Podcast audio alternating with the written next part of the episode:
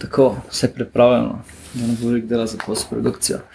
Zdravo, najprej moramo se pozdraviti, pa se najprej moramo zahvaliti vsem, ki so dali feedback na prvo epizodo, na prvi demo posnetek, pa na predloge, ki smo jih dobili.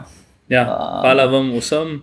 Uh, bomo probali iterativno izboljšati kvaliteto zvoka, ampak hočemo imeti stvari čim bolj skrepi, zato ker nismo profesionalni podcasteri. Ja, evo, tako. Pa da smo zelo hvaležni, oziroma smo zelo hvaležni za, za vse feedback, pa da bomo probali to komponirati tudi vse naslednje, naslednje epizode. Izboljšali bomo tudi distribucijo in bomo dali tudi na ostale čanele, da bodo ljudje lažje kot na Dropboxu dobili te verzije. Ja. Um, ja, potem pa imamo zdaj identifier, kako bo unik identifier za, za, za vsebino.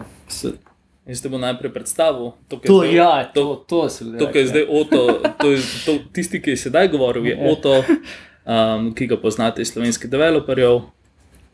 Znano je pa danes Andraš Brodol, Brodnik. Ja. In uh, to prvo uradno epizodo. Ja, ja, ja. lahko rečemo, da je bila nič, ta je pa prva. Ja. Ok. Um, Ja, kaj smo danes pogovarjali?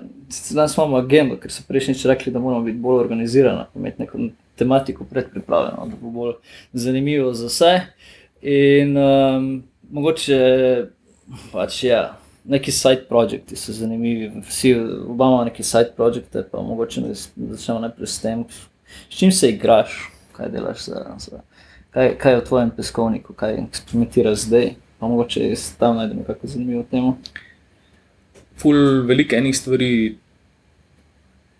se skozi dela, uh -huh. uh, kot side project, um, samo zato, da, smo, da sem pač up to date. Pa da malo spremljam, kam se stvari premikajo. Danes smo se, smo se malo menili, da bomo bolj Python-oriented govorili. Uh -huh. Pred leti sem naredil en projekt, kjer daš noter um, URL od YouTube videa, potem ti ga potegne dol, uh, ti ga stran skoda in naredi ven MP3. In včasih je to funkcioniralo tako, da, da sem imel nek, uh, neko knjižnico, kol, uh, ki se reče Celery, uh, ki je podobna Ruby Sidekick, to se pravi. Uh, ti pošleš nek task na Q, vmes je pač ta broker, RabbitMQ ali pa whatever, in pol so konzumeri, ki to pokonzumajo. Zdaj pa je side project s čim manj vrsticami kode to napisati uh -huh. um, in hkrati challenge moje razumevanje korutin oziroma konkurencija v Pythonu. Um, pač v Pythonu, pa zato, ker sem jaz najbolj vešč Pythona, nisem klih naj, najboljši Python programer, ker sem bolj uh, operations, DevOps oziroma SRE, uh -huh. um, ampak mi je tako najlažji. Uh, ja. Ne vem, od teh command line toolov, ki to delajo, si verjetno najlažje predstavljamo to nek YouTube DL ali nekaj podobnega. Ja, točno to. YouTube DL je tako napisan v Pythonu, to je mm. Python projekt lahko ga kličeš tudi iz Pythona. Mhm. Um, in pač zdaj s čelencem YouTube DL podpira neko zastavico, ki ekstrahira audio ven in ga transkoda v MP3 ali pa OP ali pa whatever. Uh mhm. -huh. In pač ja, ti pač narediš basically en simple post, uh mhm. -huh. to dobiš in, in hočeš, da. da Uh, ti to dobi dol, pač idealno, da ne blokira uh, responsa tega requesta, uh -huh. ki ga narediš. Ampak je pa pač fino, da še zmeraj vidiš, da je ta test uspel. Mm. Zato, ker pač hočeš imeti nek seznam vseh teh testov, pa pač videti, v kakšnem stanju so. Okay. In uh, ideja je, da se no, spoznaš z Async Library, ideja je, da napišeš nek microservice, nek web service, ki bo to delal. Pa da pač za lastne, za lastne potrebe in da se naučiš. To je, to je ideja, ideja je bila to narediti za Async.io v Pythonu um, pač z nekimi temi korutinami, uh, lahko pol, pol še malo povem, kaj sem se v bistvu naučil. Mhm. Um, v, zdaj sem v bistvu pogrunil, da bom kar pustil tako, kot je. Pač kaj je zdaj sam narejen, v bistvu trading pool, ki sta dva treda in se pošle um, ta work konkurenci. Prej bomo šlo implementacijo, pa se pogovarjamo, kaj vse si uporabil, pa kaj vse noter je zanimivo. Da ima najprej sploh pač občinstvo predstaviti, uh, pač moš povedati najprej, koliko poznaš Python, koliko časa že recimo delaš z njim, koliko, koliko dobrega razumeš day to day, koliko si ekspozan, da ljudje sploh razumejo, koliko, koliko kompetenten si v Pythonu. Da, da nek baseline postavimo. Prvič sem videl Python 2008, da bi pa rekel, da sem dost basic začel Python programirati, je bilo 2010, to je bilo takrat, ko si bil v uporabi Python še 2.5. Uh -huh. Um, pa je jih prišel 2.7, pa govorili se že of Python 3. Um, tako da takrat sem delal neke stvari, uh, takrat je bil že pač Django, tudi releasan, pa sem v Django delal, pa delal sem neki uplon, ki je pač neki uh -huh. starejši sistem. Um, Lahko rečemo, potem, da si vem, tipičen web developer, Python web developer. Recimo. Bi znal narediti Django app komercialen. Ja, ja, ja. ja. Itak, ja. Mislim, ni pa... to moj primary craft, ampak ja. lahko naredim profesional aplikacijo v Pythonu pač na stojen način. Okay. Pač tudi okay. več kot nek mit Nisi se pa igral z vem, machine learning libraries, nekakšnim statističnim libraries, ki je podobno. Ta, um, v bistvu, dost num pa panda zdaj uporabljen, Aha. ker delam za pozavarovalnico, pa ne iz stališča, da bi jaz aplik uh, application domain delal sam. Uh, Doskrat moram analizirati podatke, či zato, da razumem, če infrastruktura, za katero pa sem odgovoren, pravilno funkcionira. Uh -huh ne pa da bi bil implementator. Sam okay. je tudi kar kompleksno. Okay. Mislim, da bo to dovolj dober, bi slide, da bi razumel. Da je pa ti Python prvič delo. Oh, uh, deset let več nazaj. Mislim, sem zelo, zelo velik del moje kariere je pač uh, Ruby. Pač ogromno sem delal z Rubyjem, um, po mojem že več kot deset let delam z, z Rubyjem. Trenutno sicer par, zadnjih par let ne tako intenzivno. Ampak um, prej sem se Rubi začel učiti, sem dejansko se krvali Pythona učil.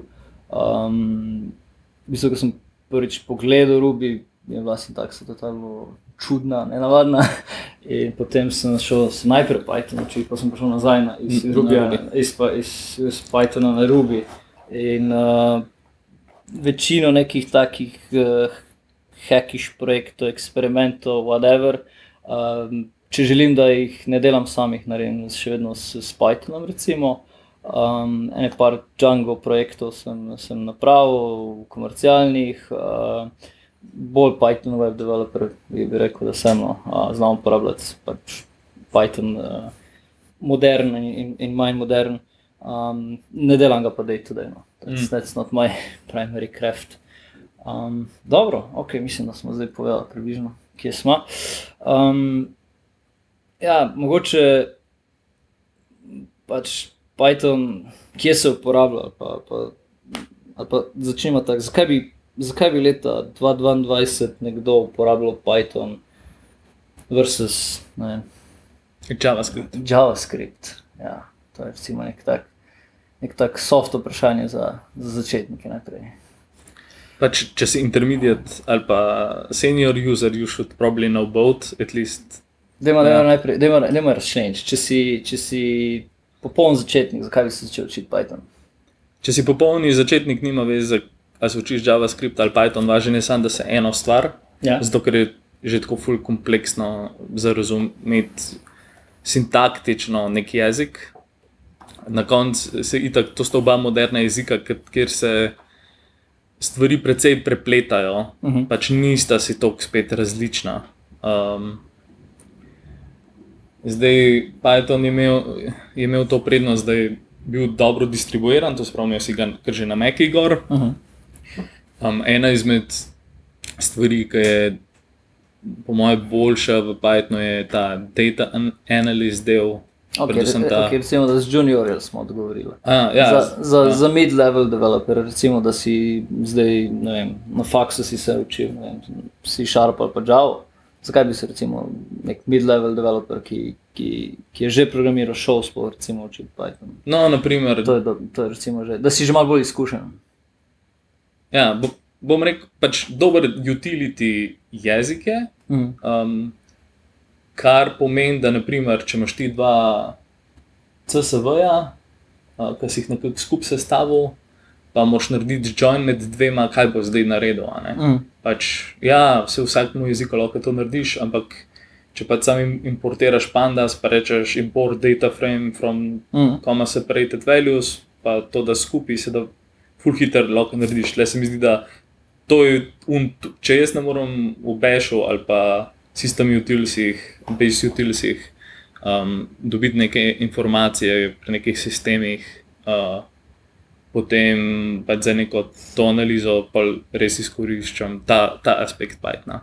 Se pravi, je, je do, dobro znanje, da ga imaš v toolboxu, ne glede na to, s kakimi problemi se, se Ja, day-to-day ja. soočaš.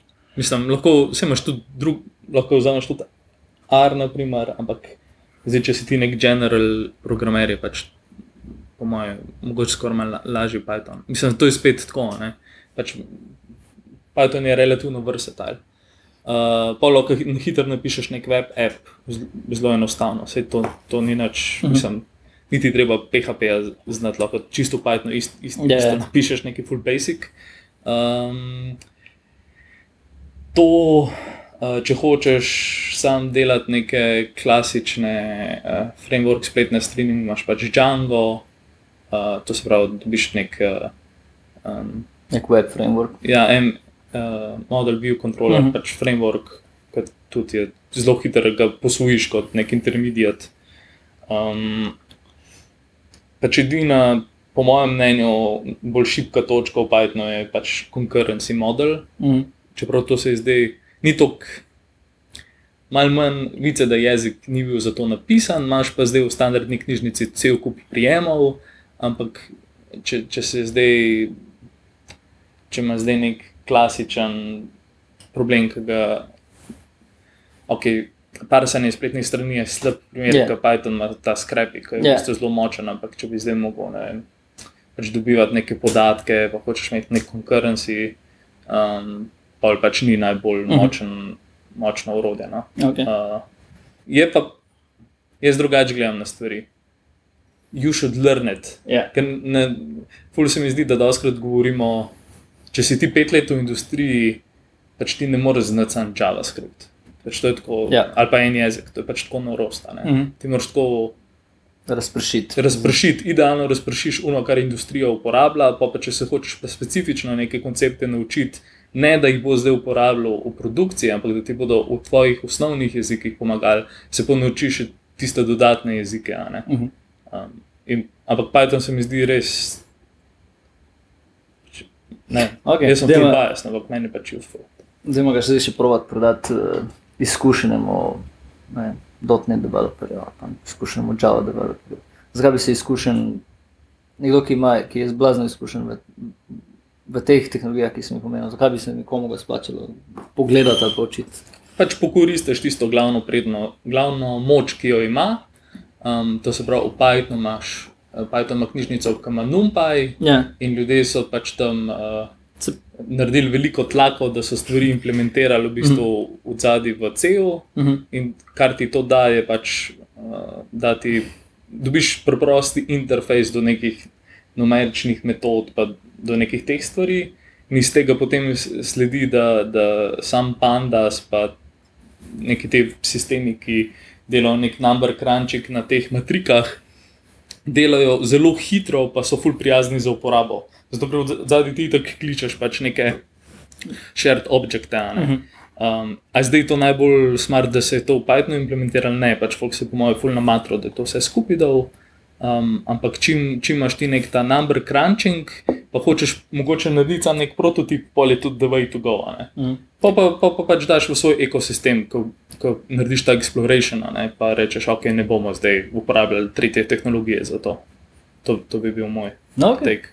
Ja, se strinjam, vsem, kar si rekel. Pač ekosistem, oziroma pač ta nabor library in cel ekosistem je zelo, zelo širok, zelo modern, zelo stabilen, pa z veliko uporabnikov vse Ja, ja. Pač za ta specifičen sektor, pač za vse ostalo, po mojem, lahko dost, dost druge narediš, razne webpage.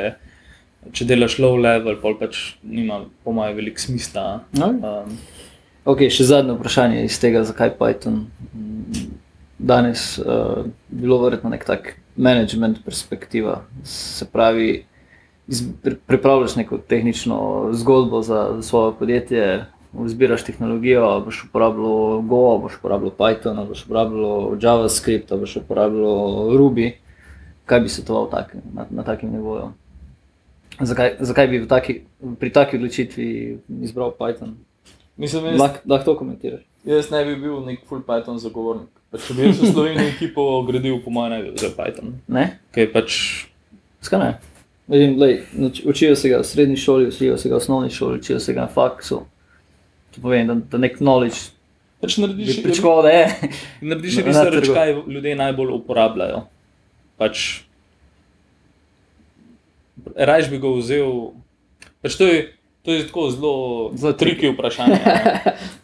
ne. Pač, če ti hočeš narediti nekaj, kar je pač Django ali pa Ruby on Rails, Ne. pač Go, Ja. da boš ti imel nek backend rendered service, ki se povezuje na relacijsko bazo, ker veš, da je tvoja, tvoj končni uporabnik cel Balkan, pa Ja. yeah. vzameš Go, pa se, se začneš tam matrati. Uh -huh. Uh, mislim, vse se da, pa ful bo hiter delal, pa ful je efficient, pa Go je ful nice language, sam eh, mogoče to ni, ni načina. Ne? Uh -huh. Um, če pa hočeš distribuirati neko aplikacijo po 25 različnih platformah, boš pa pač, ne, so pros and cons. Mhm. Zdaj za Python je. Python je, če, če se boš odločil, da boš delal uh, nek machine learning ali pa nek uh, uh, data analysis stuff, oziroma rečemo, da hočeš pucati podatke, kar je v bistvu ta glavna Ja. yeah. stvar, ki, Ja. yeah. jo pač, ki je najbolj challenging, pa je pač dobra stvar. Um, uh, če, če pogledaš malo tudi, kdo pač uporablja Python v Sloveniji, um, kdo ga ima znotraj svojega steka, zato ker Mm. po mojem v Sloveniji večinoma, kjer se Python uporablja, se druge tehnologije tudi mm. uporabljajo.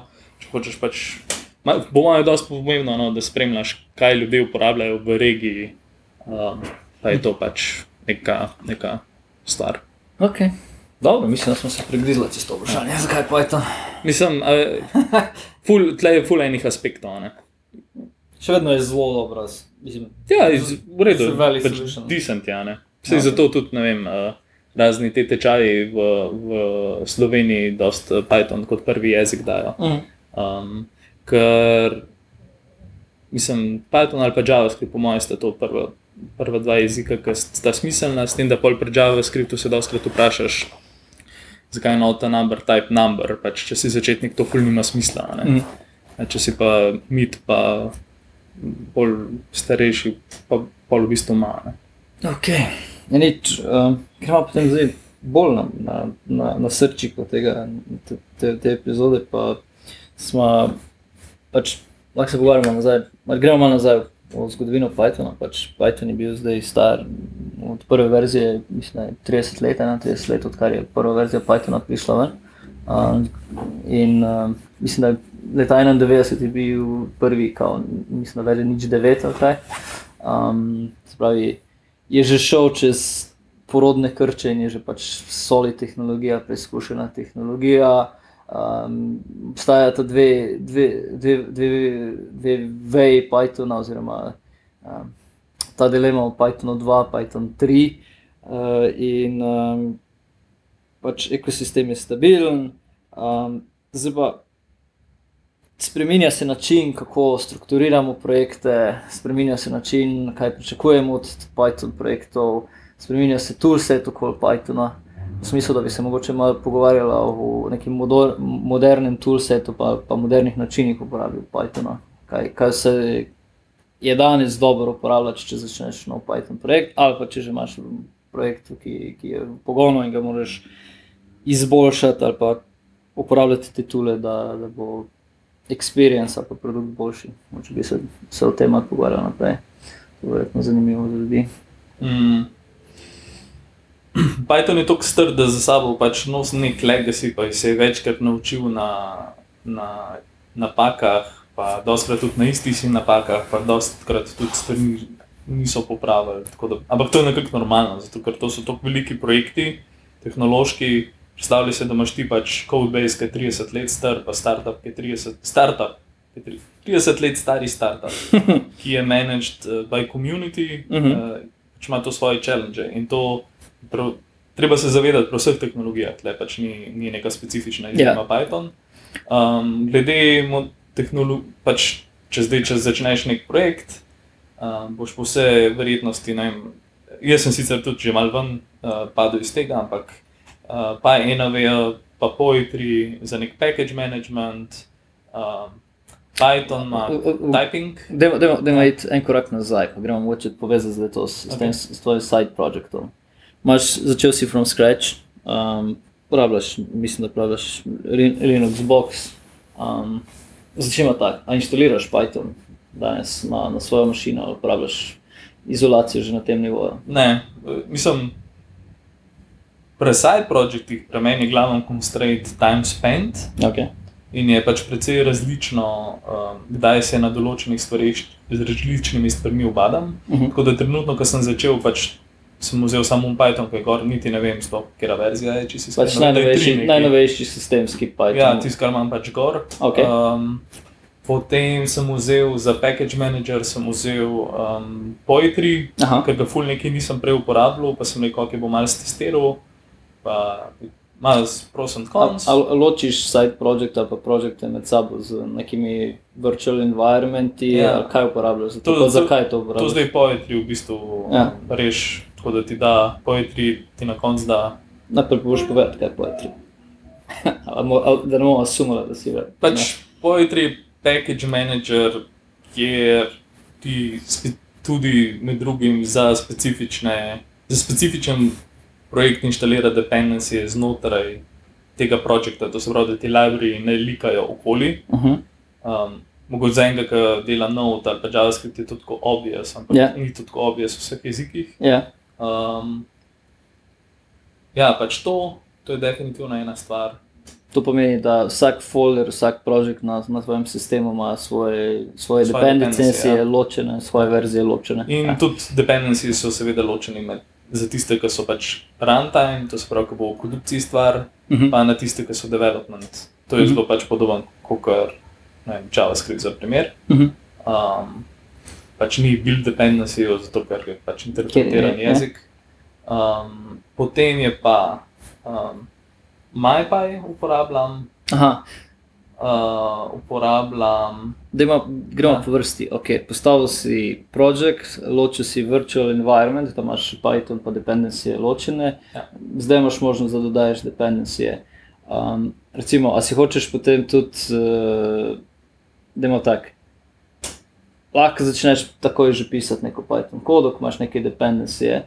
Recimo, da večina ljudi, ki pač so že poskušali Python, ki danes delajo Python, ta, ta del znajo.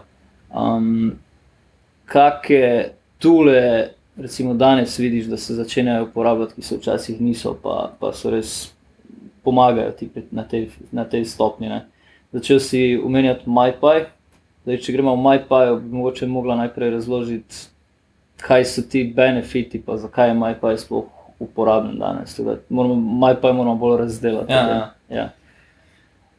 Python zdaj v sintaksi podpira um, pač type hinting, Uh -huh. um, ampak ko ti z interpreterjem od Pythona poženeš nek Python file, on ne bo preveril, ali zdaj so tipi noter v redu. Mhm. Zato imaš pač zunani, zunani, um, zunani program, ki bo v bistvu to preletel, medtem ko ti razvijaš, pa bo rekel, ok, tle nekaj ne štima čist. Um, Malo je to ločen tudi zaradi tega, da je stvar malo bolj plagable, da ni vezana na, na interpreter per se. Mhm. To je čist tudi people management stuff, a ne? to ni projekt z neomejeno resursom. Se pravi, Python ima type hinting, ampak je optional. To se pravi, ja, Python ima optional type hinting, pač itak je dinamičen jezik, pa Mhm. pa Enforcing tega je pa stvar eksternega dependencija, ja. kot je MyPy. Python sam naredi, m, modern Python, moderne verzije naredijo sam ta prostor, da ti lahko v, file odpišeš meta podatke, Ja. ki so pač lepi uh, za to, da, da lahko nek zunanji tool pač preveri. Um, pač, če ti rečeš, ok, ta funkcija sprejme integer, pa na neki točki A ta maj pa je potem teče v zadju tako kot uh, neki te strani, ki vočajo zadeve, ali to poženeš, preden zaženeš glavni program, kdaj, kdaj, kdaj to zadevo invokaš na kak način. To je samo v bistvu command line tool, ki ga poženeš on demand, poti pa pač ostali sistemi skrbijo, da si to laufa on Aha, safe. okej. Naprimer v idejih Aha, pač imajo podporo za to in kar rečeš, ok, jaz to shranim, se zgodi sledeče. Mhm. Um, in jaz sem se pri tem taj hintingu, pač jaz ga ne uporabljam full, mhm, pač, ker tako, pač ide, nekaj je, kaj ljudje govorijo, da uporabljajo. Pa mi imamo teste, pa mi smo test driven, pa mi imamo tajpe. Nekaj pa pač, kaj jaz uporabljam. In pač jaz ga inštaliram mhm, in pol, pol ko ugotavljam, da imam z neko kodo probleme, Mhm. pol tam gor začnem te metapodatke pisati, da Da. bi pomagal naprej. Aha, okay. Ne bom pa, nisem pa tako strikten, da bom pač začel kar nekaj pisati, zato ker mi tudi ne pomaga. Aha, okay. Pač, ali pa doskrat se tudi zgodi, pa to se bo malo čudno slišati, ampak doskrat tudi tako naredim, da pišem funkcije. pač ful sem se navadil tako programirati, da najprej naredim, um, najprej napišem funkcije, pa jim sam povem pač njihov fingerprint, to se pravi, kaj spremljajo, kaj Ja. vrnejo, ne vem, kaj je že boljša beseda. Okay. Signature. Okay, Um, signature, ja. Pač to je samo zato, da malo lažje kodo strukturiram. No. Okay. Um, pol pa, pol pa če že to, tam, ki se mi zdi to koristno, pol pač tudi vsake to cajt, maj pa je poženem, zato da vidim, če ono, kar sem napisal, da je še res, ampak je mičken četalno kontra, kontra logika, no, sam pomaga mi razbiti. Ja. Ako, zdaj ne vem, koliko je to v Pythonu svetu popularno, pa, pa ta način razvoja, ampak ako razvijaš, ti, recimo v tem primeru, ko si razlagal, da boš, da razvijaš, pač v bistvu web server razvijaš, ne, oziroma pač servis, web servis. Um, dejansko si postaviš razvojni, razvojni cikl na tak način, da imaš nekoga, ki ti opazuje, pa ganja server, pa ti ga ubije, ko kodo spremenjaš, imaš ta quick feedback loop vzpostavljen, a dejansko, ko spremeniš neko kodo, rečeš run, pa da jo eksplicitno zaženeš. V tem primeru uporabljam pač Flask framework, Mhm. ki je meni ful ne ljubi, Ja. ampak za, za, za side project mi je good enough. Ja. Pač ankoli ne bi karkoli servisiral drugega, ki mene to Ja. uporabljal. Ampak ja, pač to mi je to že built-in, ti pač enostavno imaš development server in ko spremeniš Python, Aha, um, se pač on rebuta. aha reloadal. zadnji. Reloadal v Aha, zadju. ok, ok. Pač ni full smart, ampak it's fast enough. Ok, Pa to je pač vse, to je vse pač kl klasično. Narediš HTTP request, tako da se to pač nič ne pozna. Ne? Mhm. Um, tako da ja. Imaš pa, pač to je pol another, Another- pet, yeah, another kind of worms. Another chemicals, ok. Um, zdaj bo naslednje vprašanje bilo iz tega, če, če, če tudi. Če tudi teste pišeš, ampak dobro, če gre tu za, za, za side project, verjetno ne pišeš zraven testa. Oziroma, ho, hočem reči, če se pogovarjamo o modernem Pythonu, neki test frameworki bi mogli biti tukaj zraven v celi debati. Zdaj, če se pogovarjamo samo v konceptu tega eksperimentalnega prototipa, Ja, ja, se igraš, je to- ni smiselno. ampak Ja. A vseeno se lahko še tu glede testinga v tem skopu, kako rečemo. Ja, ja. Uporabljaš kaj, imaš kakšne izkušnje s tem? Ja, jaz imam full. Uh, pač, um, Python ima built-in modul, ki je pač unit test, pa po mm. mojem ni slab sploh, Aha. pač je full v redu. Ampak ima to smolo, da je folk naredil še boljši tooling. Aha. Zdaj, če grem čez vse jezike, ki jih poznam, Ja. je po mojem PyTest eden izmed boljših sistemov za testiranje, Okej. ali pa ogrodij Ja, za, ogrodij. za testiranje. Ja. Um, pač ful je tudi plugable, um, ful si sposoja od drugih uh, jezikov, ampak ja, pač dosti moderna stvar. No. To, to se pravi, ja, pač PyTest je the thing I use, stvari, ki so, eh, naprimer, iz stališča plugabilityja, je lahko uh, hitro ga extendaš v beh- behavior driven uh, te, uh, te, uh, development. Pa pišeš Gherkin style, notacije, Aha. lahko rečeš, če ta test traja več kot eno sekundo, uh, ga feli. To je res tako neomejeno stvari. Mhm. In um, um, dokaz, da je to dobra knjižnica, je veliko se uporablja v hardware testiranju. Uh -huh. To se pravi, ti preklopiš 25 multimetrov, pa 6 uh, spektralnih analizatorjev. Ja. In če ti delaš v bistvu nek acceptance testing za nek fizičen produkt, se doskrat Python uporablja kot ta wrapper, ki pa prek uh, serijske komunikacije bereš te vrednosti, ampak pač. ne, Mhm. In je, in je, pač je zelo, zelo. Pač, Doskrat si želim, da bi druge jezike imeli v bistvu nekaj podobnega. Vse imajo, ampak ko vse skupaj sešteješ, nikoli ne priješ tja. Okay. Um, Dej, če, se- če se prej še gremo svet v s- v srčiko, pa, pa gremo malo bolj v, v te konkurenci, pa, pa, pa te zadeve.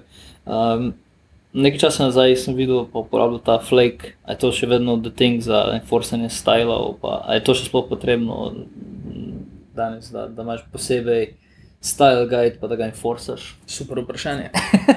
pač, Python se to skozi neki spremenja, tako da tudi jaz zdaj ne vem, kaj se uporablja. Mislim, kaj jaz zdaj uporabljam, pa kaj priporočam, da ljudje uporabljajo, je v bistvu Black. Aha, ok. In Black je primarno formater, je pa tudi linter. Kaj to pomeni, da s Python 3, um, pač ta Black podpira samo Python 3, Uh -huh. In medtem, ko ti v bistvu pišeš kodo Ja. in jo shraniš, ti jo Black sformatira. To se pravi, um, Aha, ok. sintaktično ti pr pravi, Popravi ti popravi kodo. stvari, Aha, ok. popravi kodo. Um, pol, potem je pa pač fino, da okay, lahko uporabljaš pač nek, še nek linter, to pa bolj ja. zaradi tega, da ti pove, hej, tle ne importaš uh, tega dependencija, Aha. mogoče ga lahko pobrišeš iz importov ven. Ja. Čist iskreno je zdaj doskrat tudi tako, da na koncu malo tudi ne vem, sploh kaj uporabljam. Zato, ker mogoče se nekomu začetniku zdi ful smotrno, da se ti s tem ful ubadaš, ali pa tudi meni se je, včasih sem to vedel vse v nulo, Mhm. ker pač ti, ki si začetnik, boš naredil mogoče ne, deset projektov v dveh mesecih, pa vse Mhm. nekaj eksperimentiral. Pri meni je pa doskrat tako, ali delam na projektih, ki obstajajo 12 let, pa Mhm. pač je kar je, pa takrat enkrat naštudiram, imam pol druge probleme. Um, če pa delam neki full skrepi na hitro, pač sam, sem enkrat nekaj inštaliral, pa se to ne sekiram. Ampak Black je definitivno, če nočete, da se ekipa krega o, v Pythonu glede stylinga, Uh -huh. se sam Black inštalira, ker finta tam je, da v bistvu sploh ne moreš spremenjati teh rulov Uh -huh. in je pač to to. Aha, okay. Um, je pa pač to A ti klasično. ta, ti ta Black, Black pomaga tudi pri, pri type hintingu, a ti tudi to, ki je popravljal, ne vem. Ne, to, to, ti, to ti nič ne pomaga. Aha. Pomaga ti samo to, da ti lahko pišeš tako fulno hiter kodo, pa da izhranjuješ, pa si ti bo sama indentala. Ok. Okay. Pa pač pogledaš, če, če se je prav. Ja. Pač dos, doskrat ti jeziki, ki imajo dosti močne forma, formaterje, se da full hiter v njih pisati. Ker na koncu ti že zdi, že malo tako, da uporabljaš zelo advanced editor. Uh Mhm. -huh. Imaš neke makrote, v bistvu ti pa sam formater. Uh Mhm. -huh. že, že mičkan, če lahko razbere uh, iz konteksta, bo po 99 pravilno pogrunto, petek zmer pogledaš. Uh -huh. Um, tako da Ok, nice, zanimivo. to.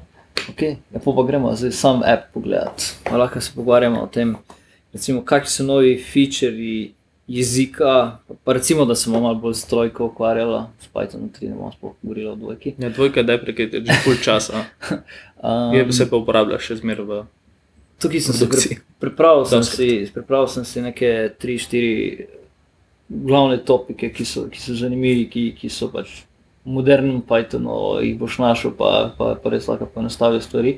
Mogoče se malo na hitro pogovorimo o tem, pa da, da to predstavimo ljudem kot nekaj zanimivo, kar je dobro imeti v toolboxu, če, se boš, če boš pisal sodobni Python. Um, pattern matching, a porabiš to kaj? Imaš, si, si se igral kaj s tem? Ne, to, je zdaj, to je zdaj vam prišlo. Ja. Uh, ima full potencijala. Ja. Um, pol, če bomo šli še na eno knjižnico, bo imel to še nekaj več smisla. Um, ampak poznam iz drugih jezikov, pa ima to tam velik smisla. Uh -huh. Um, v Pythonu pa tipično ne pišem kodo, da bi mi to zares koristilo. To se pravi, um, ja, ne vem. Se mi zdi, da je dost, tako kot programiraš v jezikih, ki prije neki novega ven, pa čeprav si v drugih jezikih to Ja. uporabljal. Pol ti še zmeraj tako weird uporabljati. mogoče- mora biti na pattern matching na Python način. Ja, ja sej, to, točno to, je, točno, to si fully povedal. Ti lahko dodaš nek feature, ki je full useful v ostalih jezikih. Sam bo mogoče trajal par mesecev, da bomo neko idiomatičnost v Pythonu ugotovili, da je to najbolj kul. Cool, Mhm. Ker jaz toliko časa že te stvari štrudlam, da uh, nočem biti prenaglan, pa pol turiti nek nov feature čist posota. Mm. Pač radiš, ko, meni je najbolj pomembno, da pač bodo razumeli um, mlajši od mene kodo, pa da ko bom šel stran, da bo folk štekel, mm Mhm. -hmm. pa da pač je najbolj simpel napisana. Ne. Zdaj, Peter Matching bo definitivno ful pomagal pri tem. Mm. Sam trenutno v kodi bom jaz rabo nekaj časa, da bom to umestil tako noter. Da bo meni ful naravno, pa predvsem, da bo manj izkušen in bolj naravno. Pa vem, da je to ful čuden. Ampak pač jaz, jaz nisem programer, jaz sem pač elektrotehnik, jaz delam Ja. biznis programiranje. No, Pač, a ne, meni je najbolj pomembno, da, da nos biznis veljo, pa da je folk šteka. Um, se pa igram s temi akademskimi stvarmi, pa koncepti, samo zato, da bi to dosegel. Mhm. Ni, ne bom turil nov feature noter v en, v en pro, produkt, ki me folk plača za to. Pač to, to ni veljo, ki ga ima- imam kot konzultant. Hm. Um, Kaj se Um, tebi zdi? To je dobro vprašanje. A? Hvala, to je Ja. ja. dobro vprašanje.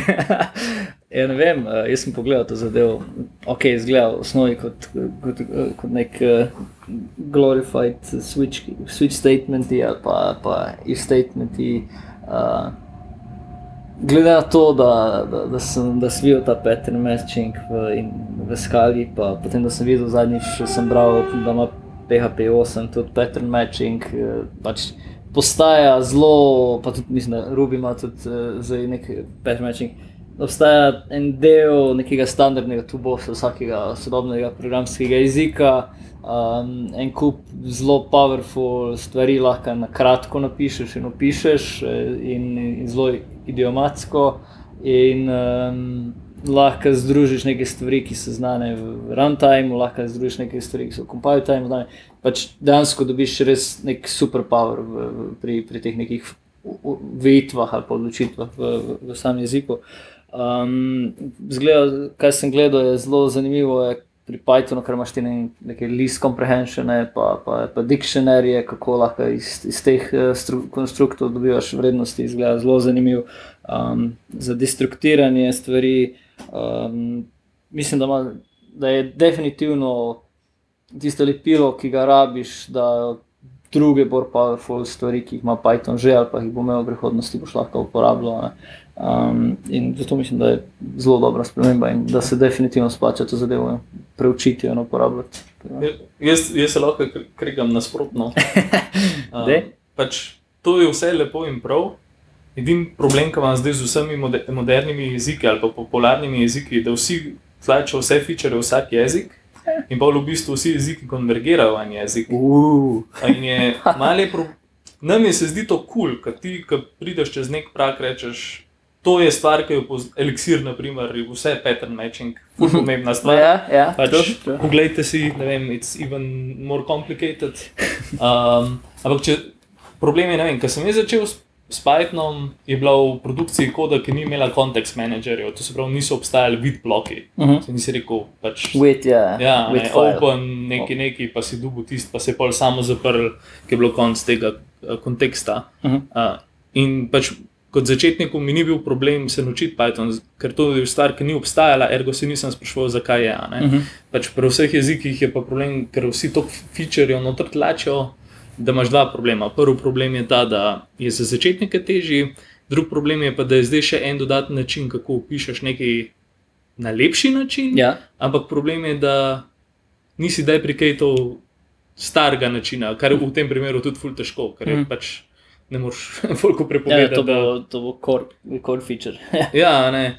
Um, in pač jaz imam po eni strani imam ful neko simpatijo do jezikov, ki so preprosti, pa tle bi se bolj strinjal, zakaj rečemo go, prednost goja, Mhm. je, ker pač ne, ne tlač ful teh featurejev noter, ker rečejo, lej, pač mi, ne, če si ti Google ali pa če si imaš veliko developerjev, pač če boš tako vsak, vsake dve leti dodal 25 š- uh, sintaks uh, šugarjev, bo v jeziku v 30 letih rado nekaj, ki bo imel vse noter. Okay. Boš, ja. pol, boš pol rabo strict note. ali, pa, ali pa black.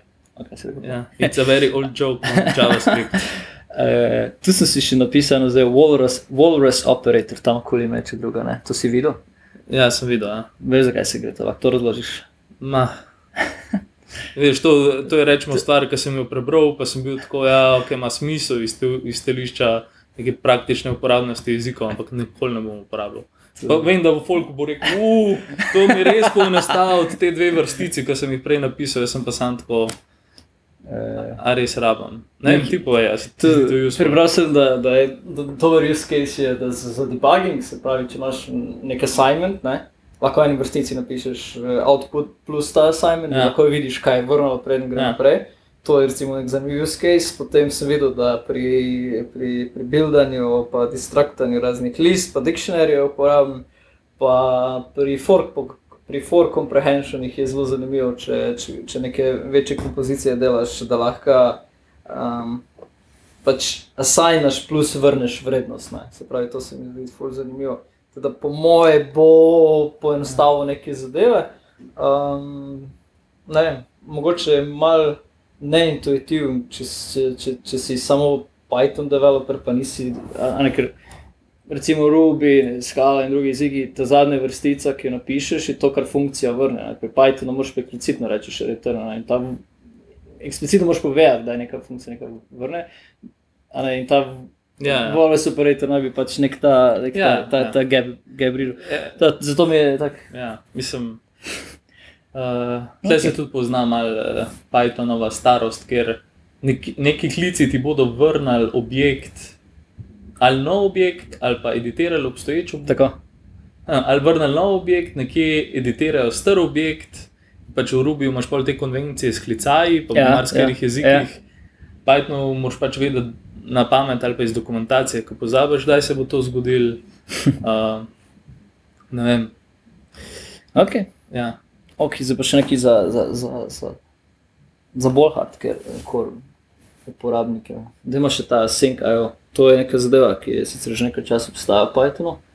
Tam sem si napisal, da to je verzija 3.4, mislim, da je, da je dala Async.io. Async.io in v bistvu nabor ali pa toolbox za pisanje concurrent uh, async uh, programov, ima high and low level API za pisanje teh zadev in s tem naj bi v bistvu nadomestili vso to kolaboracijo, ki je prej v Pythonu obstajala in bil nek tak modern, nov način, framework znotraj Pythona za pisanje, za pisanje konkurent uh, zadev.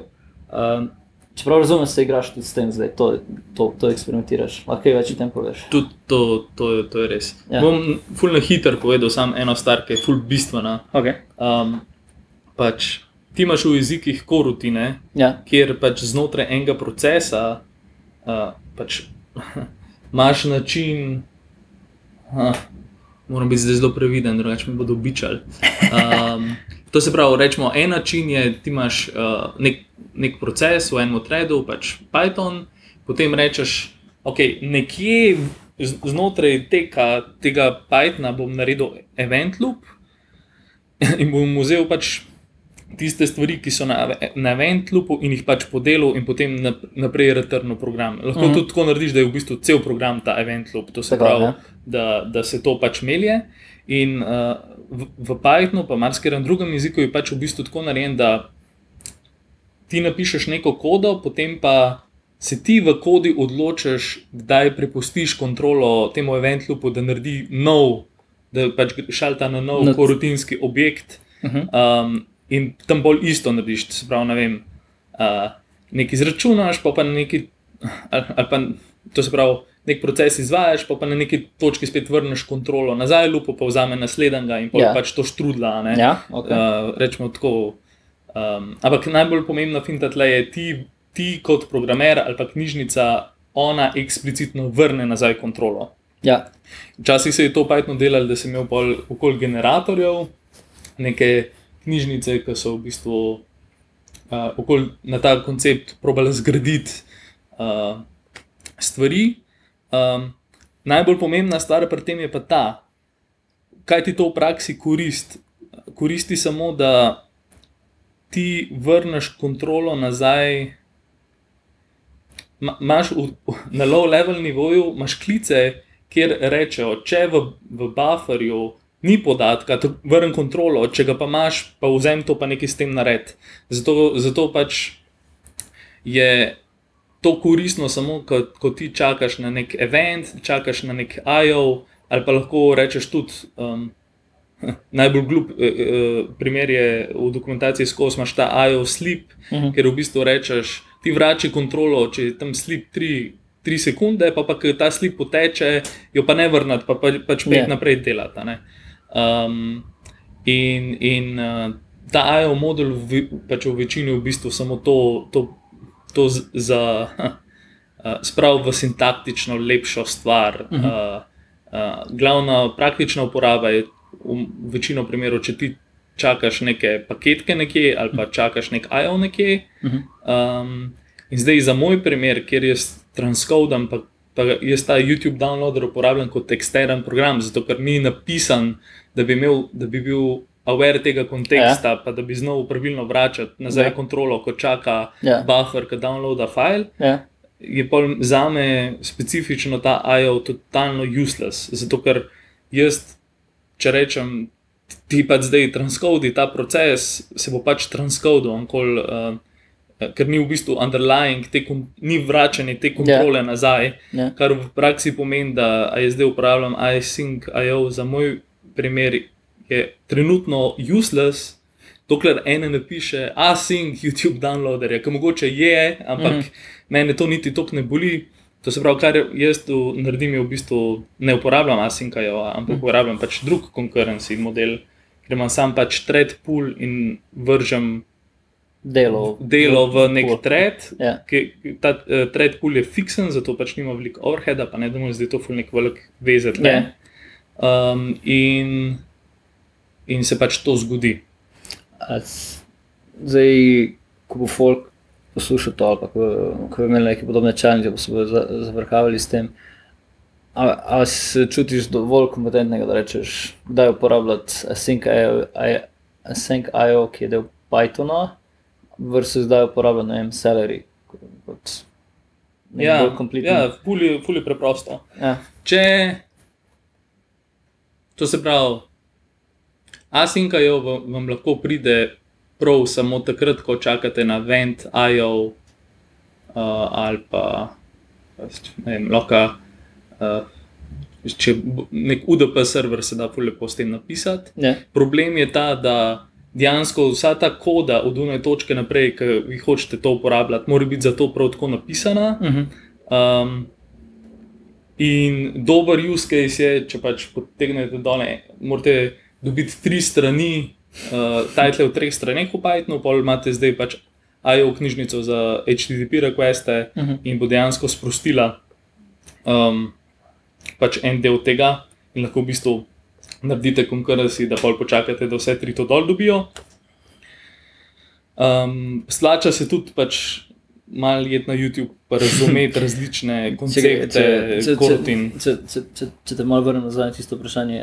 Ali je, je prav odgovor tukaj, da bi rekel, da Async.io je, je library, medtem ko Celery je bolj framework, ampak bolj industrijski framework. Ali, ali se to pravilno razlagam? Je, je to pravilno tolmačenje? Oboje sta, oboj sta knjižnice, ampak delujete na drug koncept. To se pravi, Celery funkcionira tako, da. Um, Ali rabiš neki, neki broker za Celery? Ja? Tako, ti rabiš broker plus še dejansko drug proces, da potem Aha. to delo prevzame, pa je precej bolj intuitivno. Pythonu je pa v bistvu ta uh, zrel. To se pravi, vsa programska koda mora biti zrela, vračati nazaj kontrolo event loopu, event loopu da ga ne blokira. Uh -huh. uh, in to je dosti težko dejansko za razumeti. Uh -huh. um, in ja, so pa pač drugi modeli, uh, korutinski, ki imajo po mojem več smisla, tem lahko da drugič govorimo. Okay. Dej, tukaj imamo še nekaj, prej nam bo zmanjkalo SD kartice. 4 minute smo. 4 minute. A še bomo omenili to, kaj, smo, kaj, kaj, kaj si se igral. To je mogoče za, za tiste, ki so res čakali do konca. Ja, da še to omenim. To je pa. Ta library, ki se mu reče Returns, to si, Ja. to si kazal, pa je ful zanimiv. Zanimiva zadeva, neobičajno, mogoče za Python svet, mogoče še to Ja, za konec. Uh, ok, bom probo v treh minutah. pač ta projekt sem naredil samo zato, da bom na neki točki uporabil ta Returns library. In kaj Returns library dela, je. Pač to je čist navada knjižnica, ki jo lahko pač importate v, v projekt, ne dela noben mambo jumbo, um, to se pravi, je dost vse clean. Um, ampak da vam v bistvu precej enih razredov, pa klesov, pa funkcij, ki vam v bistvu lahko pomagajo, če se boste lotili določenega koncepta funkcijskega programiranja. Uh -huh. In včasih je bilo to tečno Pythonu, ker če si hotel ti neke koncepte uporabljati, si mogel pa full teh helper funkcij napisati. Um, pa če returns ti pa dosti tega da. Um, in ena stvar je, da pač doda možnost monadic error handlinga, kar se sliši full grozen, ampak več ali manj se gre za to, da knjižnice vrnejo um, success ali pa error, uh, in je to vse skupaj tipa result, um, in potem, naprimer, um, to se pravi, finta je, da se probaš izogniti um, eh, exception handlinga, ampak to v bistvu delaš tako, da ta funkcija dejansko vrne Uh -huh. uh, error objekt. Aha. Zato se spet sliši ful komplicirano, ampak v praksi pri tej knjižnici je samo ti daš dekorator na funkcijo, ki lahko vrne en exception, uh Mhm. -huh. pa ti bo vsakeč, ko pravilno vse dala, vrnila result, uh, result um, success. Um, če, pa, če bo pa slučajno rezala exception, bo pa vrnila ven uh, error. Um, pa lahko um, lahko dejansko pipeline gradiš, to je tudi ena fajna stvar, to se doskrat rabi. Se pravi, če morate nek podatek poslati čez pet funkcij, pač je tle pač sam en utility function, ki se mu reče pipeline, pa, pa pač zgeneriraš pač. Uh, pipeline iz funkcij, in polk vržeš en podatek noter, ti zgreče štiri funkcije. Pa je cel kup teh malih stvari, knjižnici se reče returns, basically returns za s in uh, pomaga. Nice. Ok, ne, nič, to, to smo skurili z SD kartico. Moramo se zahvaliti ljudem, da so poslušali. Ja, ful, hvala. Pa da naj kaj morajo šerati, a se to, se to reče. Uh, Šerati, pa naj dajo ja. feedback. Najdejo no. feedback, Če je vse boljše posneto kot prejšnjega. tudi to. tudi Ja. to. Vemo, da so bili vlaki vmes, ne moramo pomagati. Pač Ži, uh, pisarno imamo ob železnici, fulje fajn, ki je čuha puha. Um, hvala Otu za, jaz bi temu rekel, skoraj na pol intervju, ker te neč nazaj nisem sprašval. Ja, si boš dobil priložnost. Ja, ja, sej, enkrat, enkrat te bomo sprašvali vse o skali in aki in uh, Oh. uh, ektorjih in pol jaz še No, nekaj o hvala, Erlangu hvala, hvala, povedal. da je bila dobra tema. Mor, bomo dala pa linke do vsega, nekaj mi bo napisal, da si lahko ljudje pogledajo. Pa, Ja, mogoče. Mogoče. Okay, cool. Hvala vam, Hvala. Čau, čau.